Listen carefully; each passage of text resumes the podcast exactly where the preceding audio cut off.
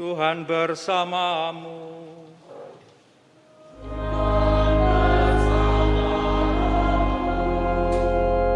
Inilah Injil suci menurut Matius.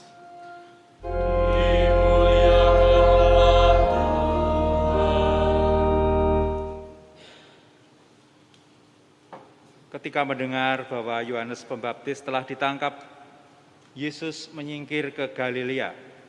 Ia meninggalkan Nazaret dan diam di Kapernaum di tepi danau di daerah Sebulon dan Naftali. Dengan demikian dikenapilah firman yang disampaikan oleh Nabi Yesaya.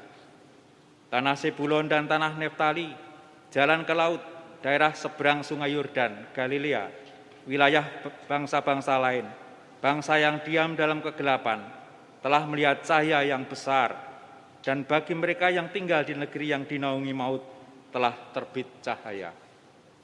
Sejak itu Yesus mulai memberitakan, bertobatlah sebab kerajaan surga sudah dekat.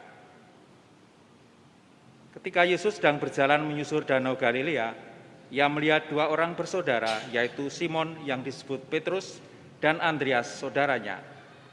Mereka sedang menebarkan jala di danau, sebab mereka penjala ikan. Yesus berkata kepada mereka, "Mari, ikutlah aku, dan kamu akan kujadikan penjala manusia." Mereka pun segera meninggalkan jalannya dan mengikuti Yesus. Setelah pergi dari sana, Yesus melihat pula dua orang bersaudara yang lain lagi, yaitu Yakubus anak Sebedius dan Yohanes saudaranya, bersama ayah mereka Sebedius. Mereka sedang membereskan jala di dalam perahu. Yesus memanggil mereka dan mereka segera meninggalkan perahu serta ayahnya, lalu mengikuti Yesus. Yesus pun berkeliling di seluruh Galilea. Ia mengajar dalam rumah-rumah ibadat dan memberitakan Injil Kerajaan Surga, menyembuhkan orang-orang di antara bangsa itu dari segala penyakit dan kelemahan mereka. Demikianlah sabda Tuhan.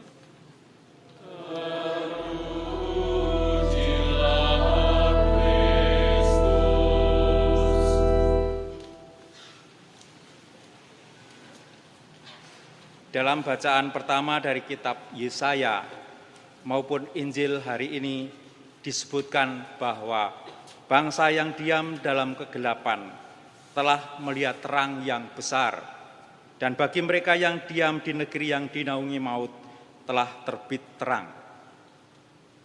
Orang-orang Israel yang diam di daerah Sebulon dan Naftali sebetulnya tinggal di daerah bangsa kafir. Oleh sebab itu, mereka ini dianggap tinggal dalam kegelapan. Namun kini mereka telah melihat terang. Apa yang dimaksud dengan terang di sini? Dan apakah kita sendiri yang sebulan yang lalu merayakan Natal sudah betul-betul lepas dari kegelapan? Saudara-saudari yang terkasih, mendengar ayat-ayat tadi saya teringat akan cerita singkat yang disampaikan oleh Romo Sudiarjo SY dalam bukunya yang berjudul Masih Ada Orang Baik di Sekitar Kita.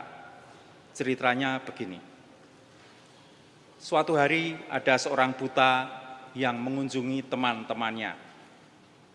Hari sudah malam ketika dia beranjak pulang. Lalu teman-temannya memberi dia sebuah lentera Terima kasih, terima kasih. Tetapi saya tidak membutuhkan lentera ini. Terang dan gelap toh sama saja bagi saya, kata si buta. Iya, tetapi bawalah lentera ini supaya orang tidak menabrakmu, kata teman-temannya. Akhirnya lentera itu pun diterima dan dibawanya. Tetapi sesudah di perjalanan, dia bertabrakan juga dengan seseorang. Apa kamu tidak melihat jalan? Tanya orang itu. Dan kamu, apakah kamu tidak melihat lenteraku? Jawab si buta. Maaf saudara, kata si penabrak, lenteramu sudah padam. Demikian kisah yang ditulis oleh Angelus Silesius, seorang mistikus dari abad ke-17. Saudara-saudari yang terkasih, kebanyakan dari kita bersikap seperti si buta tadi. Merasa tidak membutuhkan cahaya. Merasa sudah cukup, sudah bisa mengatasi sendiri segala sesuatunya dalam kegelapan. Sudah merasa nyaman hidup dalam kesempitan diri kita. Tidak perlu pertolongan orang lain, tidak perlu melihat orang lain. Semuanya lalu kita ukur dari pikiran kita. Bersikap demikian berarti kita masih tenggelam dalam kesombongan diri. Sikap semacam itu sama saja dengan berada dalam kegelapan. Lentera tadi sebetulnya berfungsi sebagai tanda dan sarana komunikasi dengan yang lain. Tidak butuh lentera berarti tidak membutuhkan, tidak mau berkomunikasi dengan yang lain. Lenteranya mati karena kurang perhatian untuk memelihara pentingnya komunikasi. Akibatnya dalam hidup bersama kita sering bertabrakan kepentingan. Gejala kurangnya komunikasi ditengarai juga ada di antara jemaat di Korintus. Masing-masing kelompok mengagumkan kelompoknya sendiri. Aku dari golongan Paulus, atau aku dari golongan Kefas, atau aku dari golongan Apolos, atau bahkan aku dari golongan Kristus. Maka Paulus mengingatkan umatnya, hendaknya kamu seia sekata dan jangan ada perpecahan di antara kamu. Semua mata, pikiran, semua kehendak harus diarahkan kepada Kristus. Ya, Kristus sang terang yang kehadirannya di Sebulon dan Naftali telah menjadi bagaikan terang yang menyinari kegelapan. Coba bayangkan apa, apa jadinya kalau sebuah paroki apabila masing-masing fungsi atau tim pelayanannya memikirkan dirinya sendiri dan tidak saling berkomunikasi. Pastor paroki punya rencana ini, dewan paroki punya rencana itu, OMK punya visi dan kegiatan, yang tidak sesuai dengan renstra paroki. Demikian juga tim pelayanan lainnya, termasuk tim liturgi, tim pewartaan, atau tim komsosnya. Tentu paroki itu tidak akan dapat menjadi tanda yang menggerakkan, tidak dapat menjadi tanda yang menggairahkan kehidupan. Sebab arah kehidupannya sendiri tidak jelas. Semoga pas, semoga paroki Kota Baru semuanya sudah jelas ke arah sama yang sama bersatu padu. Saudara-saudari yang terkasih, kita dapat mengambil inspirasi dari kisah panggilan para murid pertama dalam Injil hari ini. Kehadiran Yesus di daerah Sebulon dan Naftali telah menjadi terang yang menyinari umat yang hidup dalam kegelapan. Yesus juga menyerukan, bertobatlah sebab kerajaan Allah sudah dekat. Seruan ini dimaksudkan untuk membuka pikiran dan hati orang yang ditawarkan oleh Yesus adalah kerajaan surga yang sudah dekat. Terang yang datang dari atas sana kini sudah ada di sini. Umat diajak melihat kehidupan ini dalam terang sinar wajah Tuhan yang telah dipalingkan kepada manusia dalam diri Yesus. Termasuk melihat kehidupan yang masih penuh luka, banyak kekurangan, dan banyak masalah. Dan di situlah Yesus berkarya menyembuhkan orang sakit, mengusir roh jahat, menghibur orang-orang yang berkesusahan, mengajarkan jalan kebenaran, dan menunjukkan bahwa manusia tidak dibiarkan berjalan sendiri. Dalam cerita Injil hari ini juga dikisahkan bagaimana Yesus memilih murid-murid sebagai rekan kerjanya. Menarik untuk kita perhatikan bahwa Simon Petrus dan Andreas dipanggil ketika mereka tengah melakukan pekerjaan mereka sehari-hari sebagai penjala ikan. Mereka ini pebisnis ikan. Dikatakan bahwa mereka segera meninggalkan jalan mereka untuk mengikuti Yesus. Demikian juga Yakobus dan Yohanes meninggalkan perahu serta ayah mereka. Ayah mereka ini Sibidius adalah pemilik usaha perikanan yang sukses. Mereka ini melihat sinar wajah Tuhan yang memandangi mereka. Mereka terpukau oleh tatapan Yesus yang memanggil mereka. Maka mereka bersedia. Mereka yang dipanggil ini akan dijadikan penjala manusia. Artinya mereka bertugas menuntun manusia yang lain menuju ke kehidupan. Dan kehidupan itu terkandung dalam visi kerajaan Allah yang memukau para murid. Injil hari ini juga menginspirasi kita.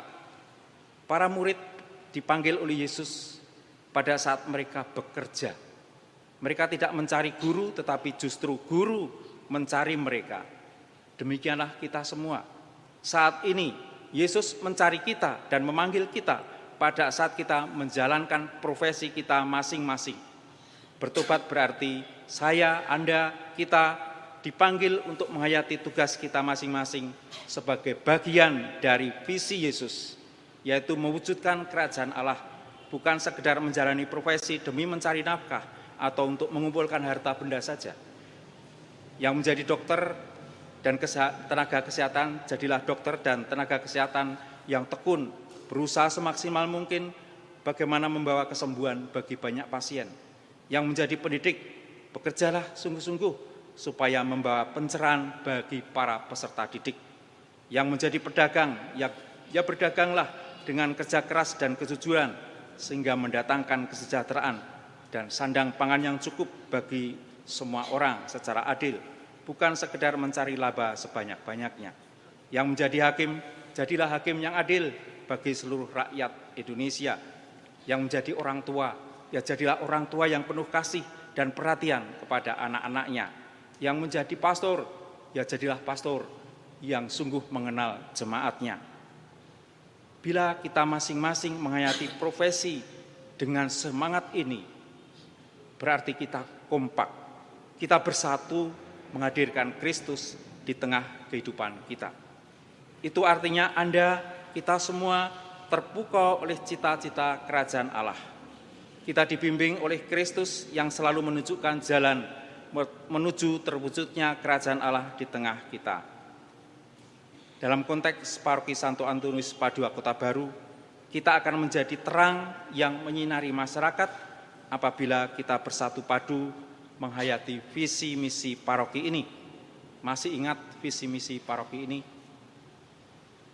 Dengan semangat Ignatian, Gereja Santo Antonius Padua Kota Baru mewujudkan peradaban kasih dengan menjadi gereja yang inklusif, inovatif, dan transformatif demi kesejahteraan masyarakat multikultural. Ini suatu visi yang bagus, visi yang sama dengan visi kerajaan Allah yang diperjuangkan oleh Yesus. Saudara-saudari yang terkasih, bersatulah hadirkan Kristus sang terang dunia atau sebetulnya ajakan yang lebih tepat adalah marilah kita bawa orang kepada Kristus sang terang dunia. Kita masing-masing dipanggil untuk membawa orang kepada Kristus. Dan untuk bisa menjalankan tugas itu memang kita mesti mengenal Kristus. Bagaimana caranya? Pertama-tama kita harus sadar bahwa yang berkarya adalah Kristus sendiri. Dan kita ikut ambil bagian dalam mewujudkan kerajaan Allah di dunia. Paus Fransiskus dalam anjuran pastoralnya Sukacita Injil berpesan, dalam setiap aktivitas pewartaan kabar sukacita, peran utama selalu dimainkan oleh Allah yang telah memanggil kita untuk bekerja sama dengannya dan yang menuntun kita dengan kuasa roh kudus. Yang kedua, kita mesti selalu memperbarui perjumpaan personal dengan Yesus Kristus.